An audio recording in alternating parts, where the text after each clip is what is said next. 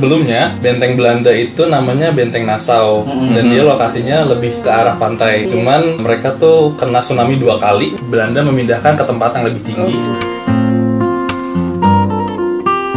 Jadi di situ ada cerita kalau di sana mereka nggak nggak bilangnya sebagai tsunami, tapi air turun naik.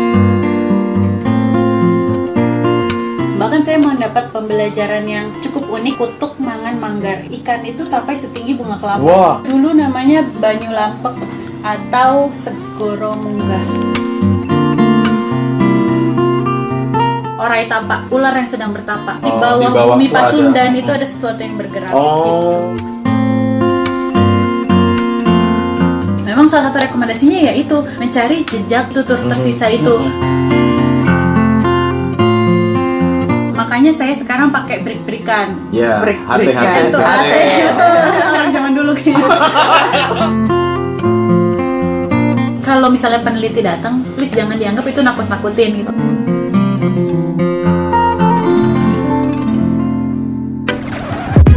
Selamat datang di ruang Ngobrol apa kita hari ini? Penasaran? Yuk langsung dengerin.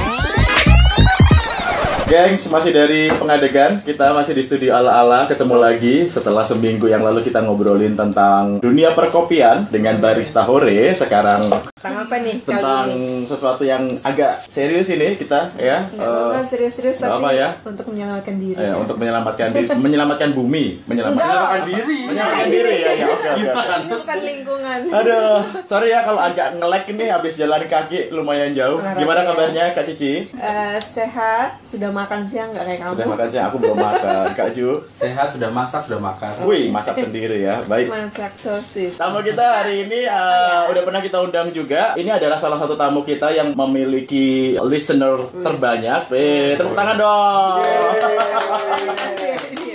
Kita kedatangan lagi Hanif. Halo Hanif. Hai, Halo. Halo. Selamat sore. Sore. Ya, ini kita lagi sore-sore, gengs. By the way ya. Jadi kita sedang menikmati matahari sore yang cukup panas. Eh, Hanif bawa temennya kali ini. Siapa? Coba dikenalin. Ini Titis, coba Titis mengenalkan diri. Halo, aku Titis. Oke. Hai. Titis ya. Iya. Titis. Kalian datang dari mana? Apanya nih? pasti dia kalau ditanya dari mana pasti tanya apa nih gitu datang mewakili apa Oh, mewakili apa Kita berdua sama-sama dari You Inspire. You Inspire ya, Iya. yang udah pernah kita obrolin beberapa Iya. waktu yang lalu kali ini bener-bener merepresentasi You Inspire. Ya, emang kemarin nggak? Kemarin apa sih kamu bukannya kamu ngobrol sendiri? Oh iya ya, bukannya kamu mewakili individu yang Oh, baru iya, pulang. iya.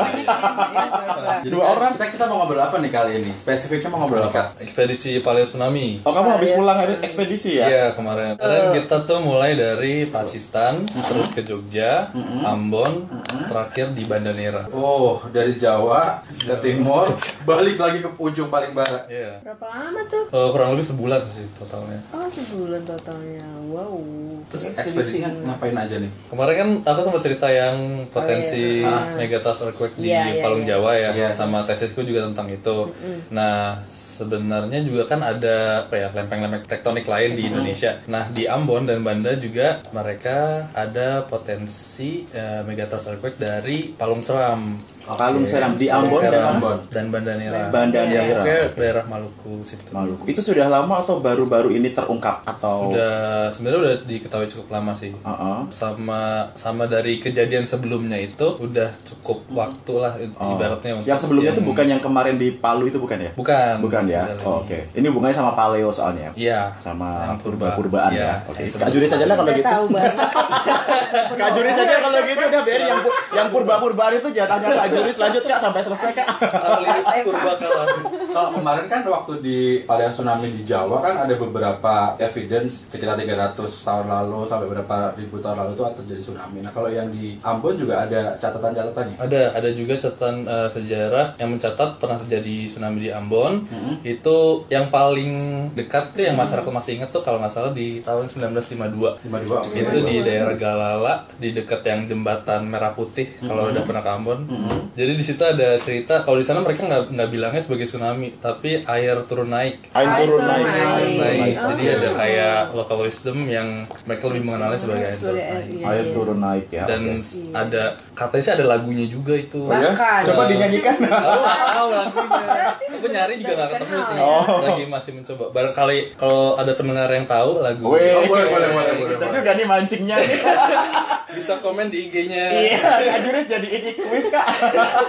Bisa bisa. Iya ya biar untuk ma- survei kecil-kecilan kan. Boleh, Siapa tahu ada yang tahu karena di Aceh itu ada kan yang dikenal Yes, dengan di Aceh juga ada. Dan ternyata nggak cuma di barat ya, di timur pun Kalau ada. sampai ada lagunya, mereka punya sebutan sendiri, berarti cukup frekuent ya terjadinya tsunami ya di sana ya. Ya, eh, selain frequent mungkin bisa juga karena kejadiannya belum nggak terlalu lama, jadi masih masih, Masih menempel atau masih di di generasi itu Iya, ya. masih diceritakan. 1952 sampai sekarang tuh berarti berapa tahun sih? Baru Seumur bapakku. baru 60 tahun. Berapa? 60-an tahun. 60-an tahun ya? Oh ya masih Yang lebih lama ada lagi yang terrekord baik dari lapisan tanah atau dari apa berita kan Ambon Maluku tuh kan eh, rajin dicatat ya sama penjajah Portugis Rajin dicatat ya? Portugis gitu kan itu ada catatan nggak dari situ Ada, cuman aku nggak inget tanggalnya daripada aku ngucapin tapi salah salah.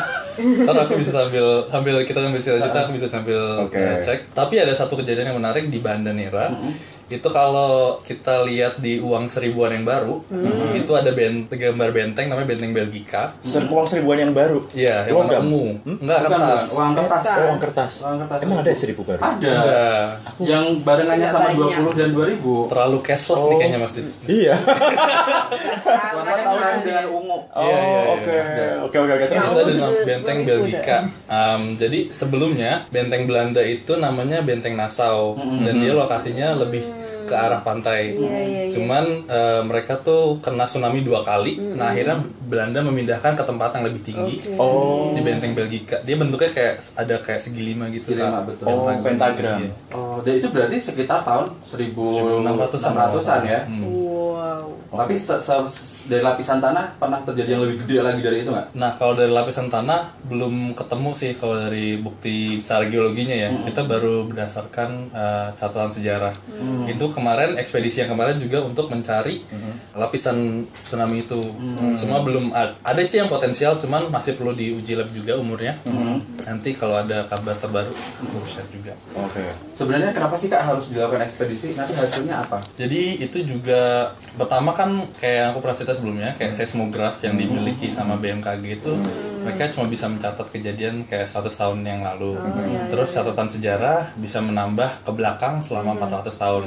Sementara kayak eh, catatan geologi itu bisa lebih ke belakang lagi gitu. Jadi kita bisa melihat siklus yang lebih besar, kita bisa melihat kejadian ini secara lebih ya lebih lebih lengkap gitu. Kayak kemarin aku cerita waktu tesisku aku ketemu endapan yang umurnya 500 tahun. iya, iya. Itu aja sudah melampaui catatan sejarah. Iya. Terus lapisan kedua umurnya 1700 tahun yang lalu. Itu juga semakin jauh lagi. Iya, iya, iya. Kalau gunanya untuk teman-teman kita yang kebetulan bermukim di sana di masa sekarang apa? Penelitian ini akan berguna untuk apa nanti ke depannya? Ya, jadi eh, kita juga bisa selain dipublish gitu secara eh, scientific kita ju- kita juga selalu kerjasama sama BNPB ataupun BPD lokal di sananya. Kita selalu berbagi informasi temuan-temuan terbaru dan kita juga coba menjelaskan atau kita kayak sosialisa- sosialisasi ke masyarakat atau ke sekolah-sekolah bahwa sebelumnya tuh pernah loh terjadi gitu Sejarahnya ya. Iya ada sejarahnya gitu. periode perulangan ada ya ada kayak Dan di- perulangan Jadi membuat warga di sana jadi lebih aware dan waspada ya, karena Iya. itu bisa siklusnya berulang lagi. Oke. Oke, kalau Titis di mana ekspedisinya, Tis? Kalau aku kemarin ekspedisinya beda dengan Mas Hanif. Aku ekspedisi Desa Tangguh Bencana Tsunami namanya. Ah. Diinisiasi oleh BNPB dan aku masuk ke segmen satu itu di Jawa Timur, segmen 2 Jawa Barat dan Jogja aku nggak ikut, segmen 3 Jawa Barat aku nggak ikut, segmen terakhir aku ikut lagi. Jadi di ujung timur dan ujung barat Pulau Jawa. Ekspedinya di sepanjang selatan Selatan pesisir ya. selatan Jawa. Pesisir selatan tsunami ya. juga.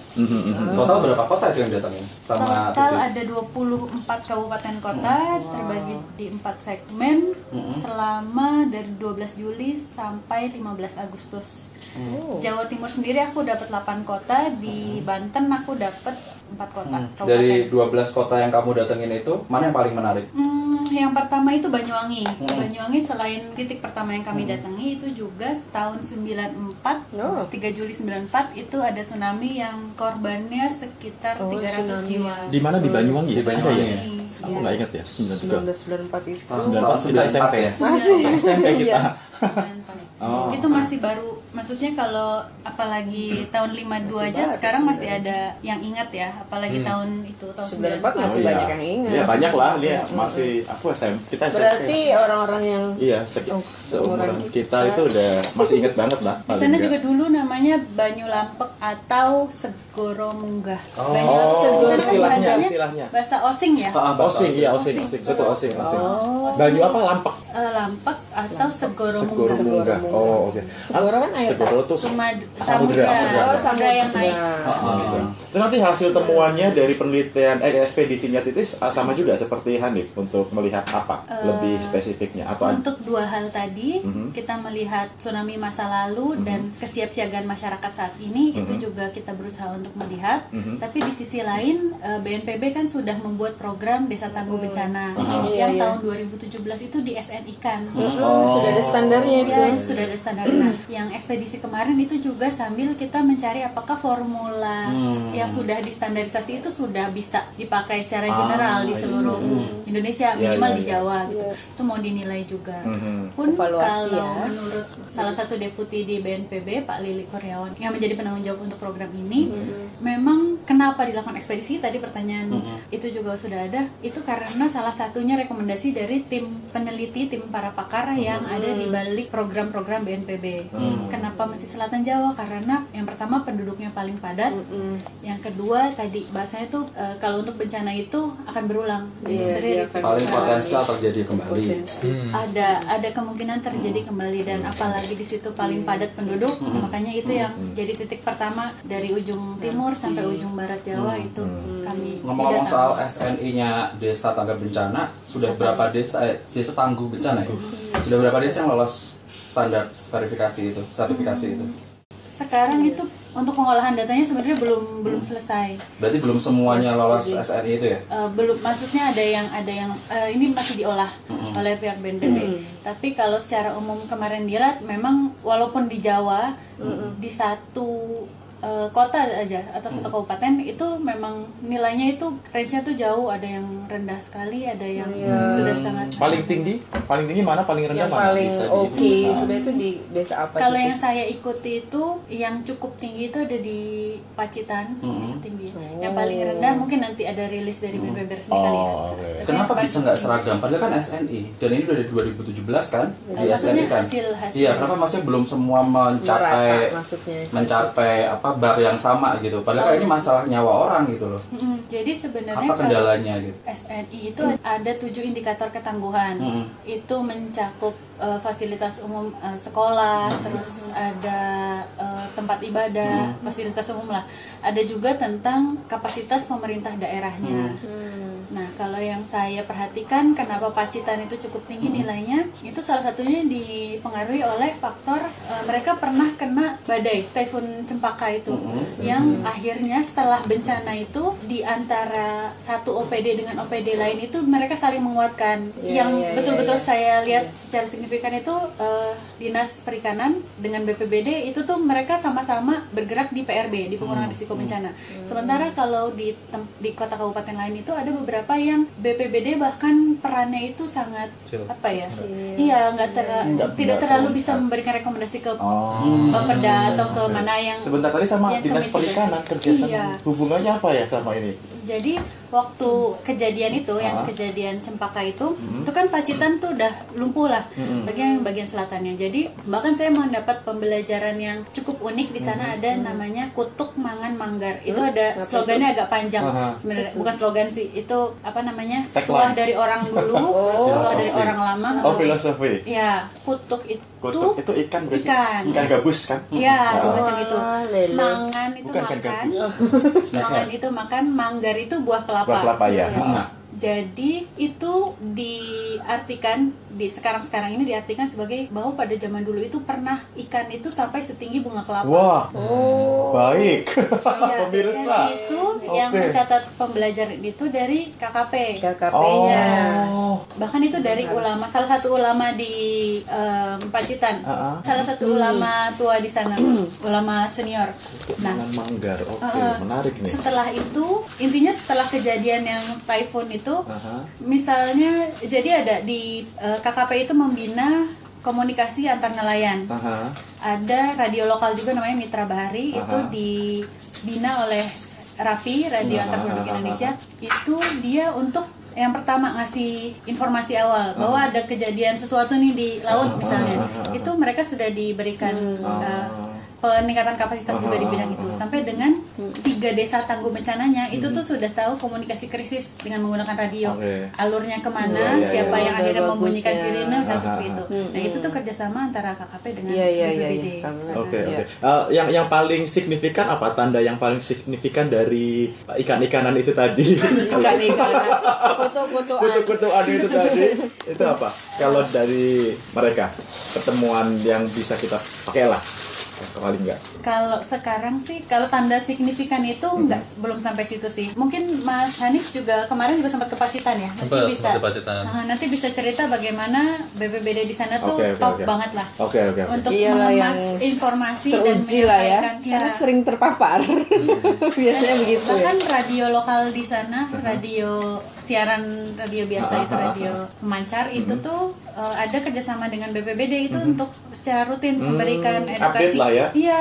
News roundup gitu ya Iya, istilahnya. begitu masuk musim hujan ada pemberitaan Oh. gitu. Begitu masuk maksudnya ada Oh, informasi baru aktif. kemarin ada penelitian itu juga disiarin Hmm, menarik, di menarik, radio sana. Radio yang udah lama atau lokal gitu ya? Radio punya daerah sih. Punya daerah. Uh, punya Pemda. Oh, pu- oh, punya pemdanya. Jadi apa yang mau dibagikan apa? Yang Tapi menarik emang- apa? Tapi emang menyenangkan sih Ah, yang Pacitan menarik? Ah. dan dinamikanya tuh kerjasama sama BBD di daerah-daerah tuh beda-beda. Beda-beda ya. Dan selama yang Terbayang. aku udah jalanin sih Pacitan nih paling menyenangkan. apa yang yang yang yang yang bisa dibanggakan apa sih? Yang bisa Eh, dibanggakan. Kamu kemarin Ya, penelitian sama kooperatif mungkin, kan? interlokal ya kayaknya. Iya, itu Interlokal. penelitian, gabungan antara BYU, Brigham Young University, sama UPN. Oh, sama kampusmu ya berarti ya? Iya, jadi kayak Dua-duanya kampus satu dan kampus kedua kedua, iya. bertemu di tengah-tengah. Dari Amerika dong berarti. Iya. Ada berapa orang dari Amerika? Timnya tuh agak berubah-berubah gitu jumlahnya. Cuman kalau nggak sekitar enam lah gitu. Ada ma- Tapi satu sekali mahasiswa jalan S2. kayak tiga orang gitu ya. terus kayak empat mahasiswa S1, terus satu dosen. Hmm. Jadi selama sebulan tuh cuman kamu yang anggota tetap yang mengikuti itu Iya, ya sama ada ekspedisinya. UPN Anggota ada yang berganti-ganti ya anggotanya ya. Gua tahu. Oke, jadi apa? Yang menarik apa? Yang di Pacitan itu Kan penemuannya beda dong berarti kan ekspedisinya Titis walaupun Iya. juga ke Pacitan tapi melihat aspek yang lain kan. Kalau lagi. Hanif apa? Kalau Jadi sebenarnya yang di Pacitan itu kita pernah ke sana 2016.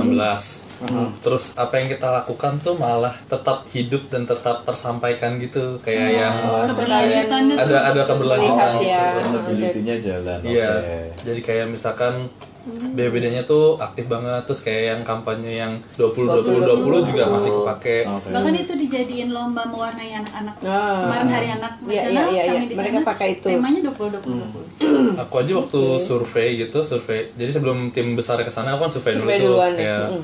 Eh, akomodasi apa segala macam gitu sama ngejalin eh, sama BBD-nya lagi. Iya. Itu aku nginep di kayak surfers hotel gitu di pinggir pantai, ada orang Perancis tamu, dia aja sampai tahu 20 20 20. Oh, sudah terinformasikan ya Iya. dengan Itu aku tamu-tamu kayak, itu oh, dan bagus. Oh, Keren banget di BBD Pacitan gitu. Nama Boleh. radionya Radio Suara Pacitan, nama pesantrennya Termas itu induk salafiyah. Termas. Habib Toyib Hasan yang cerita itu. Bahkan pesantren Bahkan juga dari bisa iya itu dijadikan ya. salah satu science communication juga bahkan gitu bahwa pernah ada Oke. seperti ini gitu. Ada daerah lain nggak yang semaju Pacitan dalam mendekati pemahaman paling bencana? beda gitu. Ambon oke juga sih Ambon. Ambon, oke Ambon. juga. Jawa di Jawa karena kan masalah nyawa kan sama-sama nyawa Bener. tapi kenapa masing-masing daerah tuh beda-beda cara penanganannya gitu menurut aku kan justru itu yang harusnya dipecahkan kenapa diadakan SNI kan biar sama kan standarnya kan nah kira-kira gimana cara menyelesaikannya Itu kan tantangan berarti ya. memperbaiki tantangan itu gitu Tapi jangan jawab dulu. Ya, iya. Kita break dulu minum karena haus panas banget sore ini. Oke. Habis ini kita bahas lagi. Yes. Oke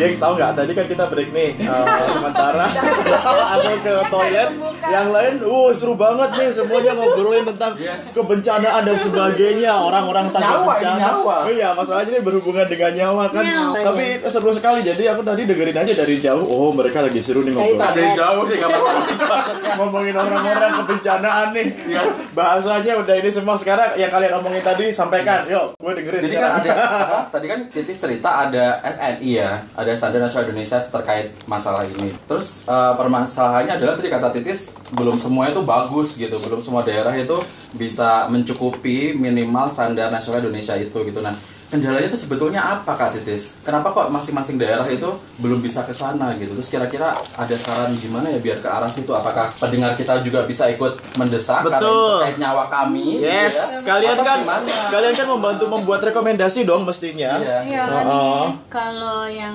akhirnya juga saya ketahui itu yang pertama. ini mulai Kayaknya ya ini masih ini, ini ini dari sudut pandang kamu aja sebagai Iya, sebagai titis gitu Iya, yang betul. punya expertise di bidang ini gitu loh. Enggak juga ekspertis eh, intinya sudah mem- mengalami beberapa Ya. inilah. Yang pertama mungkin BNPB itu kan juga organisasi yang baru ya 2011 Hmm. dan ketika BNPB muncul undang-undangnya 2007 ada BNPB dan BPBD BNPB aja baru 2011 BPBD berarti setelah setelah setelah itu.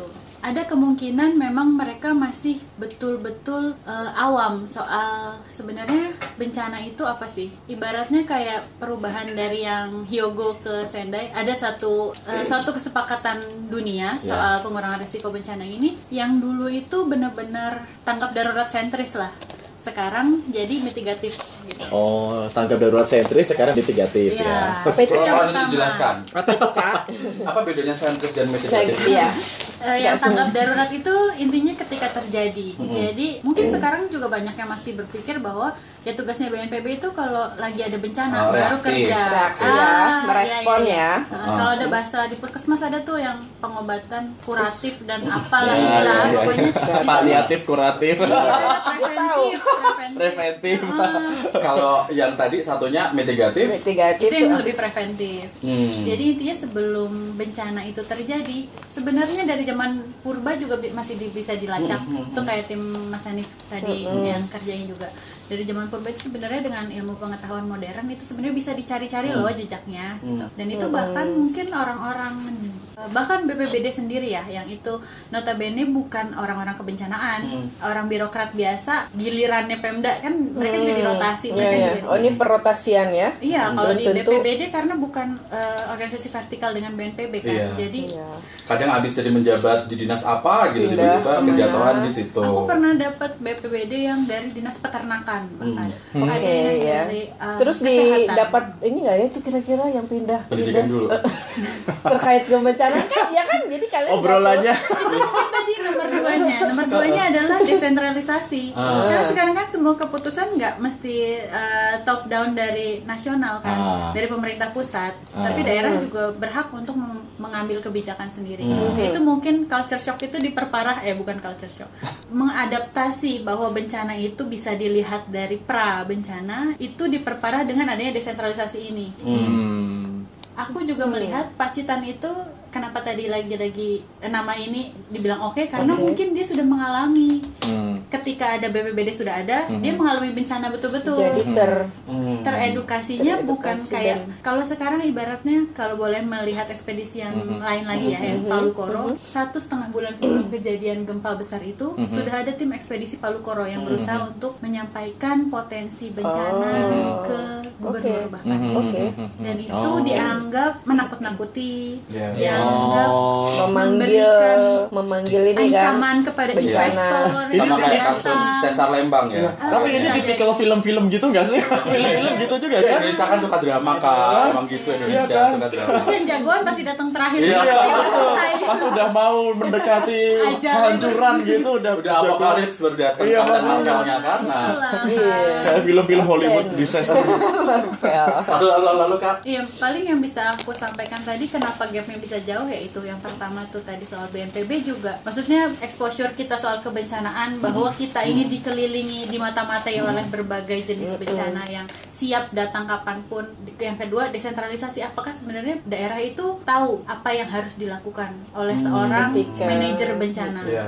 Paling dua itu sih yang Kalau pendengar kita berniat pengen menagih ini ke kepala daerahnya masing-masing gitu ya. Ke mana sih? Ada jalurnya nggak sih kak untuk meminta ini tuh maksudnya kayak daerah kita tuh udah punya eh, aturan nggak soal bencana atau udah punya plan nggak gitu-gitu kalau terjadi bencana Iya, iya, gitu-gitu iya, kita iya. bisa lihat di mana sih? itu sebenarnya untuk 2000 saya lupa 2017 atau 18 itu sudah ada standar pelayanan minimum Hmm. yang itu mewajibkan uh, pemerintah daerah untuk menyediakan informasi dan melakukan sosialisasi kepada masyarakat khususnya yang rawan bencana. Hmm.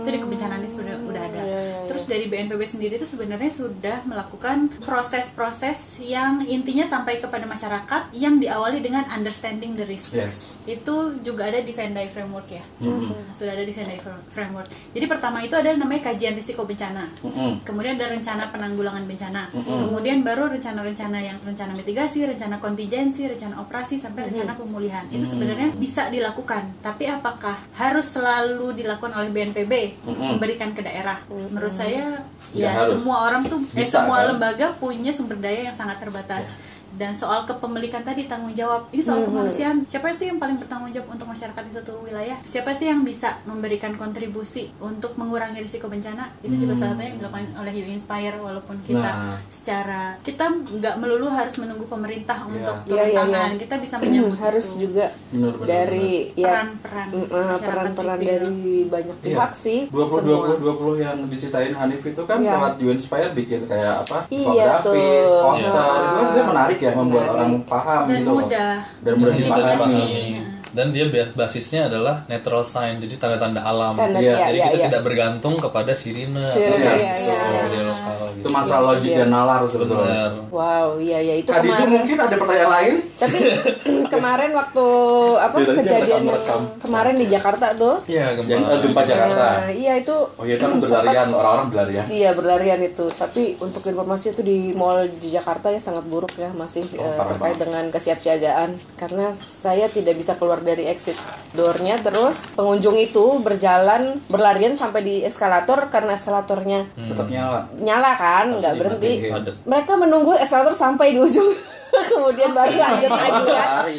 nggak berlari berdiam kita udah maju bu. Maju bu. Nggak ada yang bergerak. Jadi saya berpasrah Itu di diri kalau ya, Kak? itu di Bintaro kak. Aku juga lagi di mall waktu itu Jakarta Pusat. Sama kejadiannya kayak gitu. gitu kan? Aku langsung berdoa aja kalau ada susulan ya Allah ya udah saya terjebak lah di sini dalam Iya. mall gitu ya. Tapi baru sadar bahwa buruk sekali gitu loh. Dan pada saat itu berseliweran tuh loh 20 20 20 itu di WhatsApp. Orang Yes, langsung ah ini ini ada. Banyak di broadcast orang-orang. Mm, dan beberapa media juga menggunakan itu kalau nggak salah karena di endorse sama teman-teman PMI langsung disebar-sebar bagus Kemarin tuh yang di ekspedisi Desana tsunami ada yang dirubah ya Tis ya angkanya ya 20 oh iya 20. kan sebenarnya beda-beda ya Ya katanya sebenarnya beda-beda juga tergantung lokasi, kiranya ada di mana gitu. iya ada informasi Apa tentang yang yang yang berubah apa? Yang di beberapa tempat yang yang berubah apanya? Lama evakuasinya. Oh, jadi Oh, komposisinya bukan 20 20 tapi Enggak, berapa? enggak selalu Bisa 20 jadi kayak 20 20 katanya 10 20 Oh, oke, Kita tergantung. 20 nya nggak mesti atau 20 di awalnya. iya 20 Oh gempanya nggak harus 20 20 detik. detik Oke. karena orang lagi kena gempa tuh ngitungnya tadi Iya kalau hitung gitu. satu dua tiga juga Oh iya. itu Nah, sudah itu masih- berjalan Iya, betul. Menurut aku gempa apa pun ya memang harus menyelamatkan diri ya. itu aja Tunggu 20 nggak usah detik kan. bener-bener Jelas, jelas, jelas. Sepakat. Apalagi yang mau diceritain nih? Mungkin aku apa? mau cerita salah satu eh, nelayan yang aku temui di Trenggalek Hmm. dia namanya nama aslinya Agung tapi dia minta dipanggil Pak Cumi karena dia dia merasa dengan Kenapa nama Cumi itu itu? semua orang langsung tahu bahwa dia Cumi. hidup di laut Cumi. Cumi, Oh, cumi. cumi. Oh, Sweet. Cepalopoda. Nah, itu ada- Pak Cumi kenapa diangkat itu? Menurut saya dia itu salah satu manusia yang bisa hidup harmoni dengan alam. Cie, aku. Hidup dengan alam. Kayak apa tuh? Karena tadi loh Cumi kan. aku melihat eh, tadi na- natural sign itu. Ah, Jadi dia itu eh, dia bilang karena saya lama di laut, Aha. saya ja- saya sebenarnya tahu bagaimana itu tsunami. Maksudnya dia kan juga ketika 94 Yang kejadian di, di Banyuwangi, Ah, ah, Trenggalek itu 1994. sebenarnya masih ada masih kena dampak 2006 di Pangandaran. Nah, dia juga merasakan ada sesuatu yang berbeda dengan lautnya. Oh. Intinya eh, saya sebenarnya udah punya tanda-tanda ketika misalnya tsunami akan datang. Dia sendiri dengan bahasanya yang sangat nelayan sekali lah. Maksudnya kadang-kadang dia cerita waktu dia di tengah laut, kadang-kadang dia cerita tentang keluarganya yang harus dia selamatkan. Dia itu sampai bisa menganalisis bahwa eh, jalur evakuasi yang ada di Trenggalek khususnya di Pantai Perigi itu tuh ada yang betul-betul akan malah eh, membuat orang tuh tersesat. Maksudnya gini, ketika jalur evakuasi itu dibuat, barangkali dulu itu dibuat untuk memudahkan eh, mobilisasi warga. Iya, betul. Tapi itu tidak mempertimbangkan 20 yang kedua itu bahkan 20 vertikal. Iya. ya.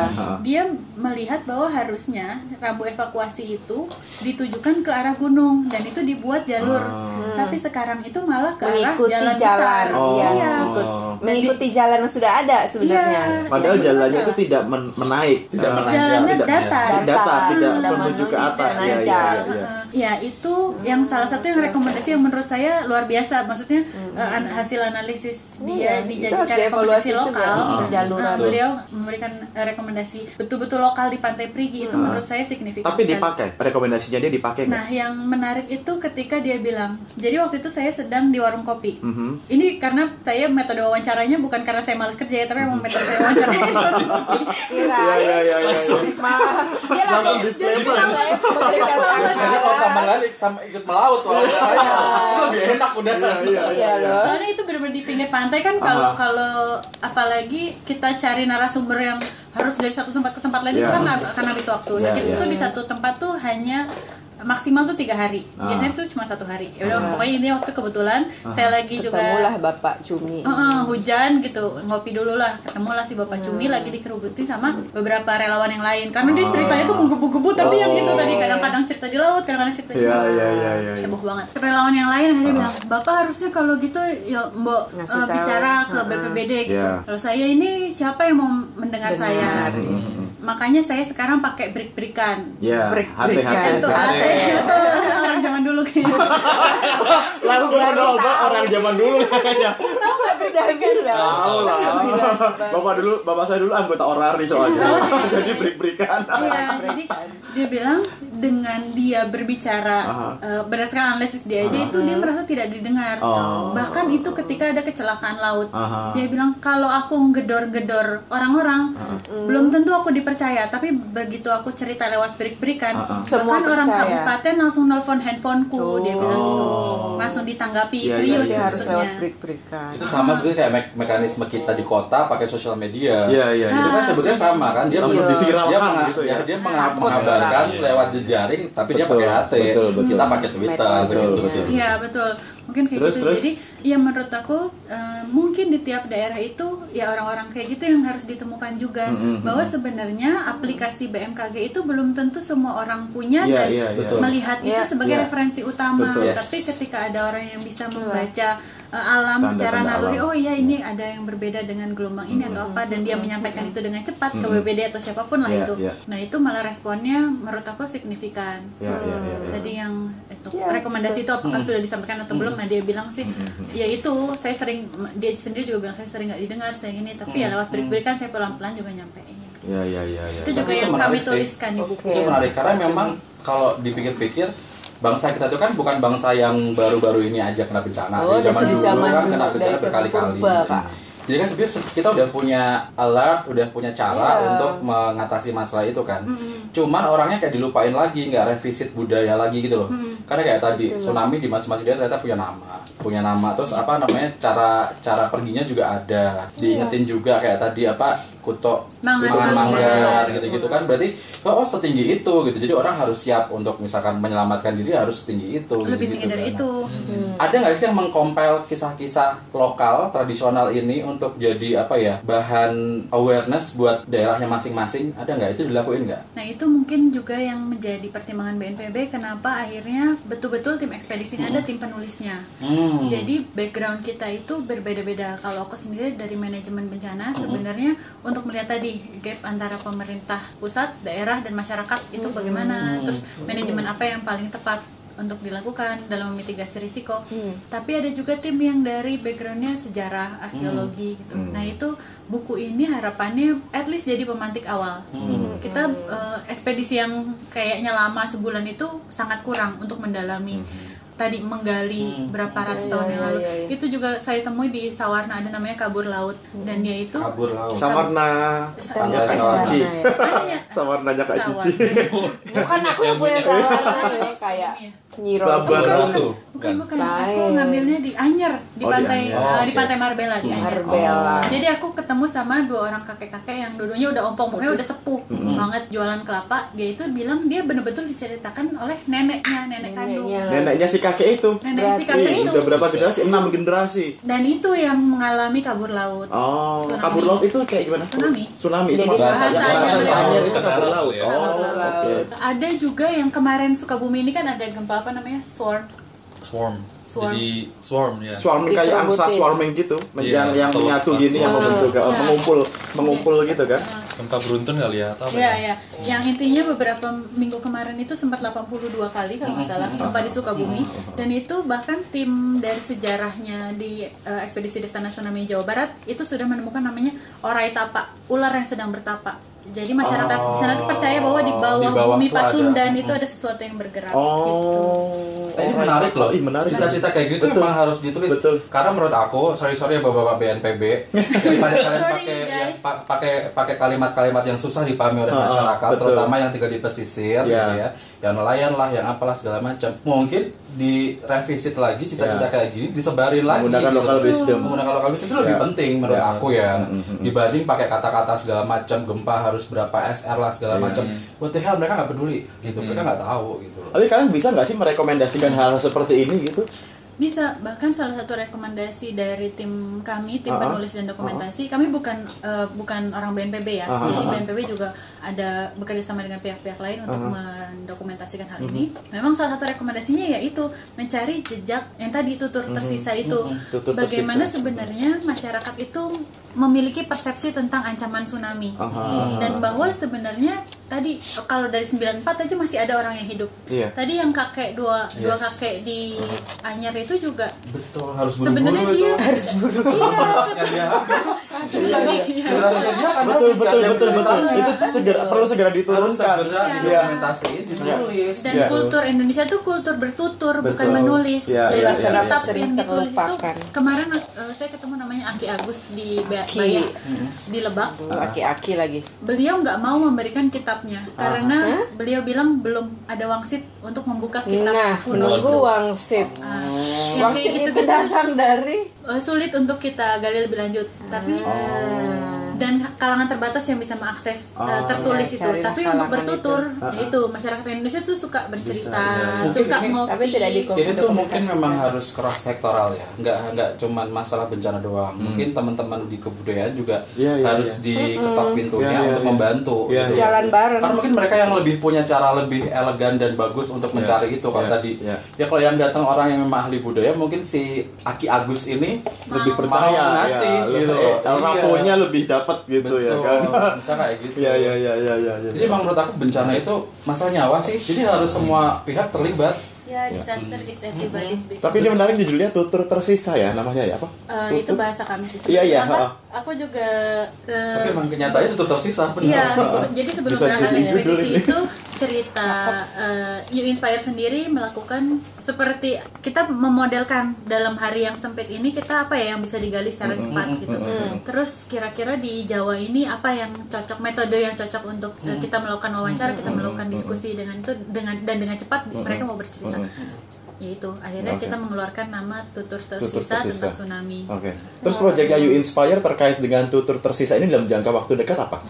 Ada nggak? Apakah membuat infografis Tar- infografis targetnya kapan? itu? Maksudnya Sebetulnya kalau mendokumentasikan. untuk buku yang ditargetkan oleh BNPB sendiri itu nanti ketika bulan pengurangan risiko bencana 11 sampai 13 Oktober betul di Pangkal Pinang ya. Itu akan di launching. Tapi You Inspire sendiri mungkin nanti Mas Hanif bisa eh, siaran lagi atau gimana? boleh, boleh, boleh, boleh. Nah, jadi memang ada rencana khususnya di Jawa Barat karena uh, You Inspire juga kan banyak di Bandung juga. Kebetulan koordinator kami juga salah satu uh, satu peneliti di Pusat Gempa Nasional di ITB. Itu memang ad- akan ada mini ekspedisi lagi khususnya di Bandung du- di uh, Jawa Barat dulu. Aha, Nah, aha.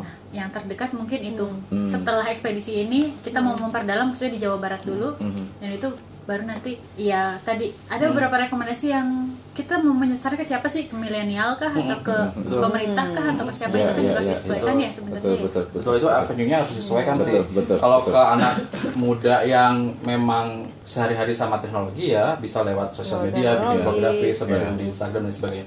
Kalau yang untuk orang-orang pesisir atau orang-orang masyarakat desa di pedalaman ya mungkin terdampak langsung. betul pakai cara kayak misalnya di Jawa pakai pakai diselipin di pengajian, di wayang, Ah, betul. di dongeng, gitu-gitu tuh harus harus iniin Iya. gitu. Atau bikin Mau buku nggak saku uh, apa namanya buku buku bergambar untuk anak-anak untuk dibagiin ke sekolah.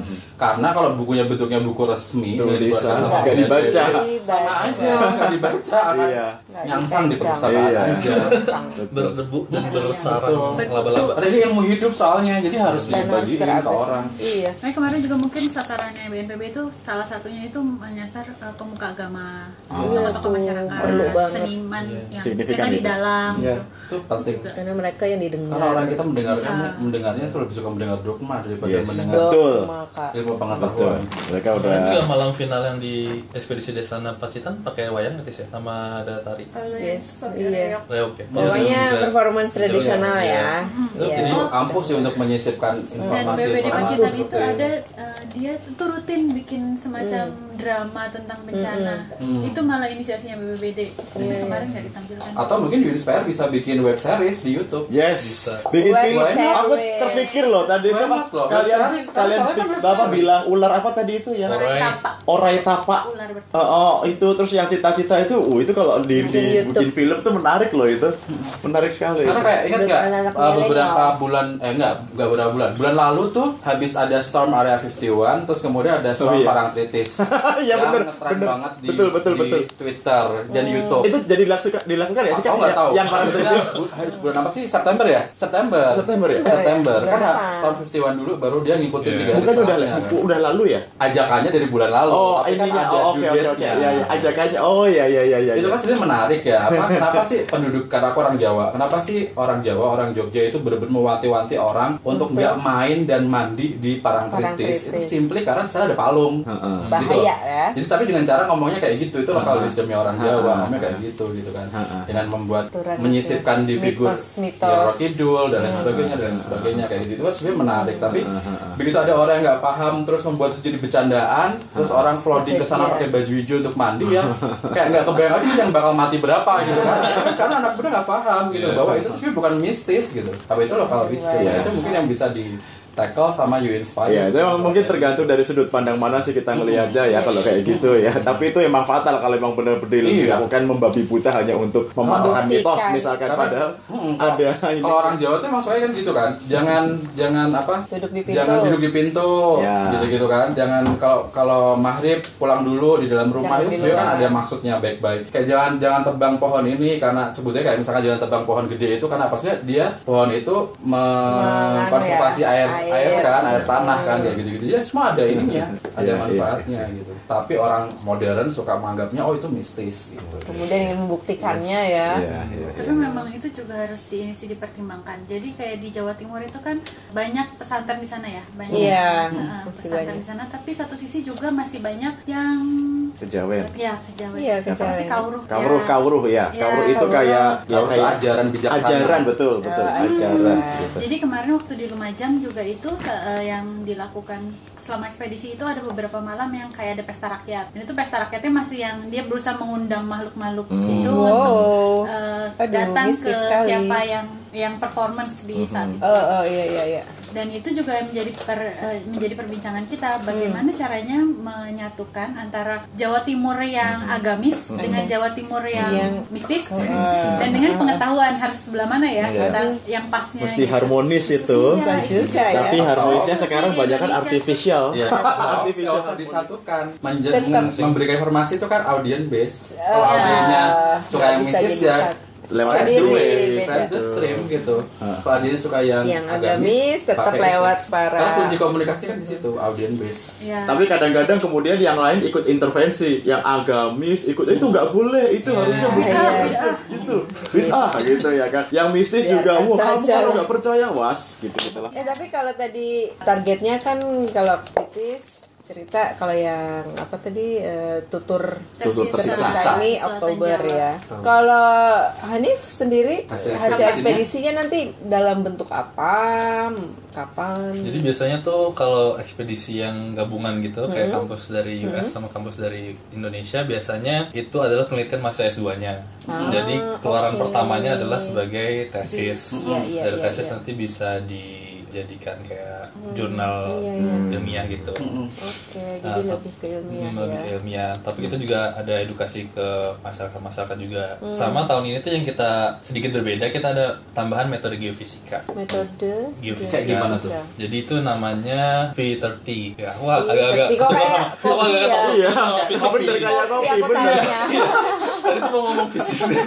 Nah, V30. Jadi dia tuh bisa ngebaca velocity atau Iya. kecepatan lambat gelombang gitu sampai kedalaman 30 meter. Oke. Jadi ketika terjadi gempa itu tergantung juga kita berada di eh, daerah yang seperti apa. Kalau di daerah yang eh, masa dasarnya adalah batuan Oh, dan yang di tanah atau Iya, berbeda apa itu dong ya. berbeda. Kayak misalkan kayak Gunung Kidul itu kan dia kan bukit karang-karang Iya, gitu kan. iya. Nah, itu ketika terjadi gempa, dia akan cepat lewatnya. Gelombangnya akan cepat. Gelombangnya cepat Sementara lewat. kayak yang teman-teman yang deket kali opak Yang gitu, dia kan yang Bantul. di pasir, bantul dan datar Itu yang- akan lebih lama untuk merambat gelombangnya Dan dan, itu akan mengakibatkan gempa yang lebih terasa lebih Terasa. terasa, dan lebih lama. Nah, Oh. itu kita melakukan itu juga. Kita kayak pemetaan mikrozonasi Iya, gempa iya, bumi iya, gitu. Mikrozonasi baik. Iya. Aduh, sungguh rumit Tapi ya. tadi ini mena- menarik banget kalau kata Harif apa eh, sekarang tuh aku lihat banyak media yang pick up isu-isu kayak gini itu tuh untuk konsumsi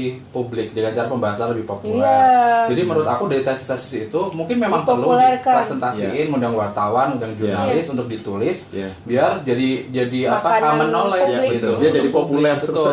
jadi nggak cuma jadi tesis yang dibandel masuk ke Ah, perpustakaan ah. aja Ya, itu saya penting sih. Tugas Aku tuh love hate relationship juga sih sama. Yang membuatmu love? Apa ada yang apa membuatmu apa? Apa kamu pernah punya pengalaman apa sih sebenarnya? Pembuka untuk sambat nih. Iya, iya, iya, apa-apa, Jadi, kita sambat hari ini. waktu di Lombok eh, yang kemarin kan rangkaiannya ke Lombok juga. Ah, nah di Lombok itu kita kalau kita penelitiannya di eh, Tanjung di utara, Lombok utara. Terus kita juga ke sekolah-sekolah edukasi. Itu biasanya kita kalau sosialisasi itu aman-aman aja. Kita cerita tentang kejadian gempa sebelumnya, atau Yeah. kejadian tsunami sebelumnya, terus apa yang harus kita lakukan.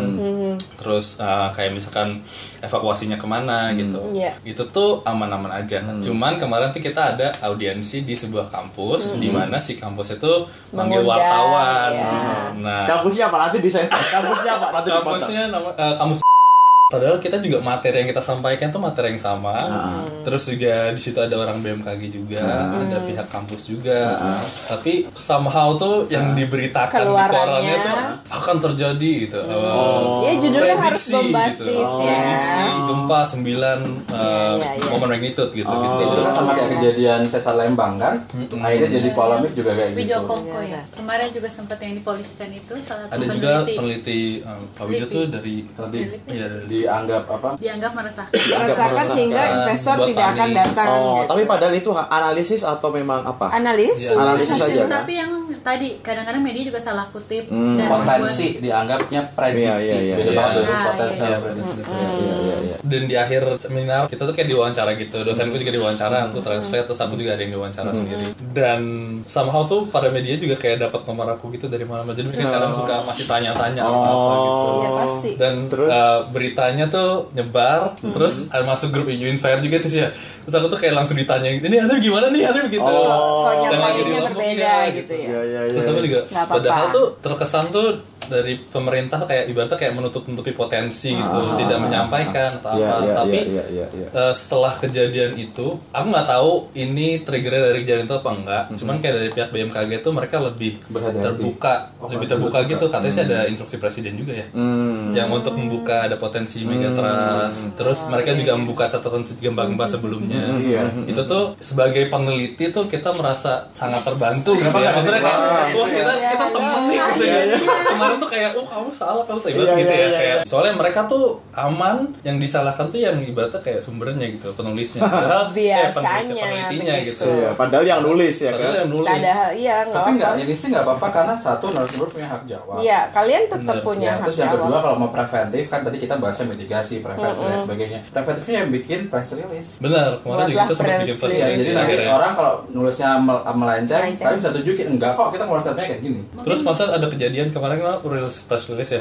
Terus tuh dicap hoax juga jadinya press release ya. Ya, kenapa Bener tuh? nih gitu. Oh. yang merilis aku juga kayak baru itu bikin press release kan jadi mungkin kayak harus bener-bener media gitu kayak mempertanyakan terus ada yang dari kampus juga kayak cross check gitu jadi kayak mungkin ada ah, gimana ya mungkin kayak bikin lebih resmi gitu ada kopnya ada namanya Oh, nggak ada ada Oh, quote. ada aku bikin Sama yang cuman tuh lain enggak. cuman tuh kayaknya harus sampai yang nulisnya Misalnya itu foto BMKG. sama press release-nya gitu ibaratnya biar nggak hoax. Ya ya ya, tapi Emang memang kalau enggak ya press release disampaikan di acara memang. Iya, Tidak kemarin terpisah. bisa juga sih. terpisah kan. Kemarin terpisah. Ya. Kita juga posisinya dari Lombok tuh kita udah, aku tuh bikin press release udah di Banda. Jadi udah ke Ambon dulu terus ke Banda Nera baru bikin press release. Karena sudah terlalu liar ibaratnya. Kalian. tentang literasi data juga. Jadi You Inspire juga yang kemarin bikin pelatihan itu, itu juga untuk mendukung media bagaimana cara mereka mendapatkan sumber data, bagaimana membedakan hoax dan ya Yang emang sih yang benar- informasi yang benar dan tidak Ah, benar. Dan informasi utama tuh mestinya ngacu ke mana aja sih. Iya. Itu udah kita lakukan waktu pekan ilmiah tahunan kemarin Iya, Ikatan Ahli Bencana Indonesia. Itu di Unhan kita bikin acara kayak mini workshop gitu, undang-undang media. Dan tadi Mas Ahmad Arif itu jurnalis eh, Kompas yang sekarang kayaknya setiap hari Kamis ya ada rubrik khusus mitigasi bencana. Dengan Oke. LIPI kalau nggak salah. Iya ya. sama lipi dia. Iya, nah itu jadi kita juga berusaha untuk mengedukasi media. Ibaratnya tadi kalau misalnya kita ngundang media, hati-hati juga. Ntar jadi ya tadi kan ada kebutuhan jadi trending, Iya, ada iya, kebutuhan iya, iya, jadi iya. apa yang itu. Wah. Clickbait. menarik, Ya. Nggak apa-apa. Kalau yang kayak gitu Tapi ada ya, seperti ada kok. ada hak jawab. Ada Iya. yang jawab. Dan itu nanti men- Ah. bagian dari mendidik. Karena media itu juga ada yang media-mediaan, ada yang media Ada. benar. media benar pasti, iya media benar pasti akan memegang integritas untuk Iya. menggambarkan objektif. Ya, makanya tadi aku dibilang bilangnya kan love hate kan. Jadi Iya kalau media yang emang kredibel terus kayak Love ya. Love. terus kalau yang hoax hoax gitu malah kita Iya, yang iya, kena iya, gitu. Oke, oke. Menarik, menarik. Oke. Oke, ada pe- uh, pesan pamungkas nggak nih? Ya aku jujur ini kan pertama kali aku gabung ya untuk uh, diskusi kayak gini. Juga kemarin pas ekspedisi tuh aku tiga kali siaran. Aha. Dan itu tuh aku makin ngerasa kayak kalau misalnya peneliti datang, please jangan dianggap itu nakut-nakutin gitu. Jadi ini, ini aja ngobrolan sehari-hari atau gimana. Toh kayak dari- mengevaluasi dirimu kali ya kak ya pas datang gitu kan kayak sudah sampai mana gitu kan Iya. apa ada apa aja ya dan kayak eh, makin ke sini tuh makin yang kayak ngerasa bahwa ya zaman nenek moyang kita selain seorang pelaut itu juga seorang survivor bencana Iya, Penyintas. keren nih, keren. penyintas mereka tuh penyintas Kita jadi adalah iya itu. kita tuh keturunan survivor Keturunan, loh. iya, iya, iya, jadi iya, kayak iya. udah sih Iya. kalau obrolin ini jadi Bukan hanya uh, pelaut hal ya. yang ringan dan ya udah yang penting kan kita tahu kita harus apa Ah, gitu kita nggak mungkin kan semua masyarakat Indonesia migrasi besar-besaran ke tempat lain Yang lebih Ya udah aman gitu terima ya. aja apa adanya tapi ya itu kesiapsiagaan kita bisa dimulai dari mana ya? berkawan dengan bencana Yes. Oke, Sama good. dengan bencana. Boleh, boleh. Kalau dari aku mungkin coba gali lokal wisdom masing-masing daerah kali ya. Soalnya kan tadi nggak ada yang kayak one program fits all gitu. Yes. Apalagi kita bentukannya kepulauan kayak gini ya negaranya ya, dan potensi bencananya beda-beda. Betul. Jadi coba digali kayak tadi juga Titis banyak menemukan ada banyak lokal wisdom. Terus aku juga waktu kemarin ke lapangan juga banyak. Mhm. Itu coba kenali terus ya coba terapkan gitu. Jadi jangan terputus informasi dari generasi sebelumnya ke kita dan dari kita ke generasi berikut. Yeah. Cool. Mantap sekali pemirsa. Baiklah kalau begitu. Ya, dan bencana. Terima kasih sekali waktunya sudah mau datang lagi ngobrol lagi di Mari Berjudi. Mudah-mudahan kita dapat insight baru. Nanti kalau Gak ada update-update lagi boleh diundang lagi lah ya. siap Boleh. Lah ya. Nah, Oke. Sip. Kalau begitu. Thank you, Kak Thank you. Terima kasih. Mudah-mudahan apa pun proyeknya nanti ke depan sukses ya. Bisa melanjutkan penelitian. rata gitu ya. Apanya? Apanya? SNI-nya terlalu Oh ya SNI. tercapai dan Betul, baik. penelitian bisa dilanjutkan dan mudah-mudahan masyarakat yang bisa diedukasi juga lebih banyak. Oke, terima kasih Kak Arif, Kak Titis. Sampai ketemu lagi di episode yang Episode lainnya. berikutnya. Ya, dadah.